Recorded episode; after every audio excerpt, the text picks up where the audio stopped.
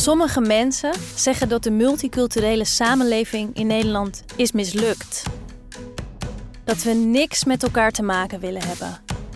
Dat we te anders zijn. Noem mij een voorbeeld. Zelfs onze minister van Buitenlandse Zaken, Stef Blok, heeft er een hard hoofd in dat verschillende culturen vreedzaam kunnen samenleven. Ik ken hem niet. Ondertussen lopen we de deur plat bij de Turkse bakker en Marokkaanse slager. Eten we roti bij de Surinamer. willen niks aan, alleen roti. En halen we op zondagavond massaal babi pangang bij de afhaal-Chinees. Is onze maag soms toleranter dan ons hoofd? Mooi yoga, mooi yoga. Assam. Mijn naam is Felicia Alberding. Een doodgewone tata die opgroeide met stampot en gehaktballen, maar ook met shawarma, pindasaus en bami-schijven.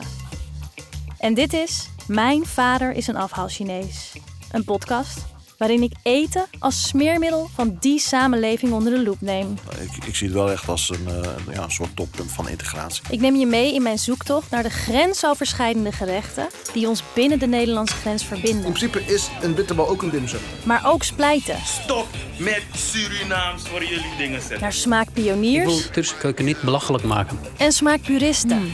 Oh mijn god, is het echt zo lekker? Je afhaalmaaltijd zal nooit meer hetzelfde zijn. Je kan ze echt haten, Turkse mensen of wat dan ook. Ja, op een gegeven moment zie je die persoon zie je wel s'avonds een broodje kebab eten. Dat vindt hij wel weer lekker.